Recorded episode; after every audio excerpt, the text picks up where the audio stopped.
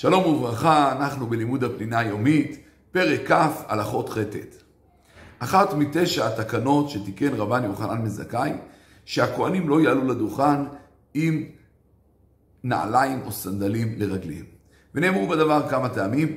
הטעם הראשון, כי זה לא מכובד לעלות, לברך את ישראל בנעליים שיש בהם רפש ובוץ וטיט. כמו שבבית המקדש, משום קדושת המקום, לא יהיו נכנסים בו עם נעליים. ככה ממילא גם לא יעלו הכהנים לברך את ישראל עם הנעליים שלהם. נתנו עוד טעם הלכתי לדבר, שאם יפתחו השרוכים, הכהן יתבייש ויתכופף לשרוך את השרוכים, ויימנע מלברך, ואז יחשדו בו שהוא לא כהן או שהוא נפסל מכהונתו, ולכן תיקן רבן יוחנן בן זכאי שלא יעלו עם נעליים וסנדלים לברך את ישראל. לכן למעשה אין לעלות לדוכן עם נעליים או סנדלים שהולכים בהם בחוץ, וכן נעלי בית אם יש בהם שרוכים, או נעלי אור, בכל מקרה בין אם נעלי בית, בין אם יש שרוכים או אין שרוכים, כי כל נעלי אור נקראים נעליים ועליהם הייתה הגזרה. אבל כאשר מדובר על נעלי בית, שאין להם שרוכים, והם לא מאור, יהיה מותר לעלות איתם לדוכן, כי כל הטעמים לא קיימים בהם. במקום שלא רגילים ללכת בפני אנשים מכובדים, יחפים או עם סנדלים בלי גרביים, אז גם לדוכן יעלה עם גרביים. כאשר נוהגים ללכת עם סנדלים בלי גרביים, יכול לעלות גם יחף, הכל כמנהג המקום. במקרה שמדובר בכהן נכה, שלא יכול אה, להתחיל להוריד את הנעליים, או שמדובר בכהן שנמצא בצבא, וכידוע הנעליים הצבאיות, לוקח זמן להוריד אותם, ואין לו זמן להוריד אותם. יש אומרים שיכול לברך את ישראל, אבל בלי לעלות על הדוכן.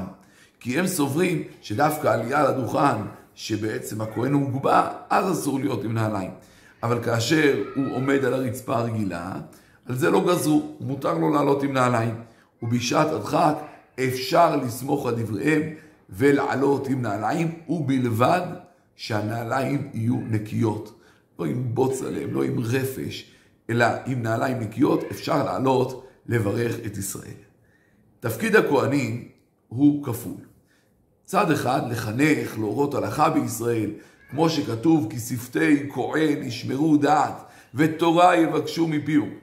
זה צד אחד. הצד השני זה להיות אנשי חסד, אנשי שלום, שמחברים את הבריות זה לזה, עושים שלום בין אדם לחברו ובין איש לאשתו, כמו שכתוב על אהרון הכהן, שהיה אוהב שלום ורודף שלום, אוהב את הבריות ומקרבם לתורה.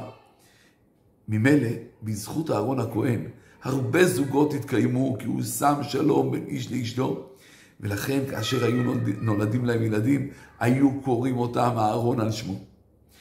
לכן גם התורה וחוכמתה לא נתנה לכהנים נחלה, והם ניזונים ממתנות הכהונה ומהתרומות של ישראל.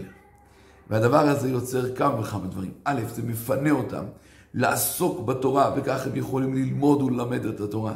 דבר שני, הם לא נמצאים בעולם של התחרות והסכסוכים העסקיים, וממילא זה מאפשר להם לראות הכל יותר בעין טובה, יותר להיות מחוברים לכולם, יותר להיות בשלום עם כולם.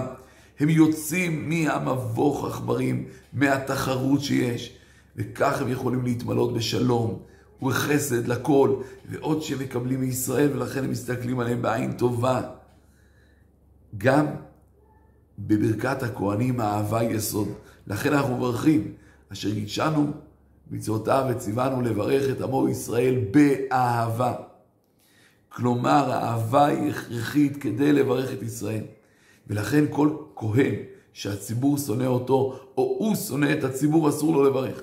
ולכן יש לו שתי אפשרויות. אם הוא לא, אם הוא לא יכול והוא שונא, צריך לצאת בבית הכנסת לא לברך, כי כתוב שאם הוא מברך, יש לו סכנה גדולה בדבר הזה. או לשכח את השנאה, להרבות אהבה בליבו כלפי כל אחד ואחד מישראל וכלפי כל הציבור כולו. כי אם לא, הוא לא ראוי לברך, צריך לברך את עם ישראל באהבה.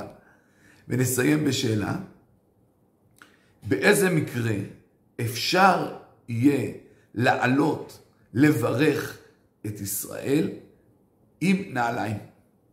שני מקרים שבהם אפשר לעלות לברך עם נעליים. שלום, שלום.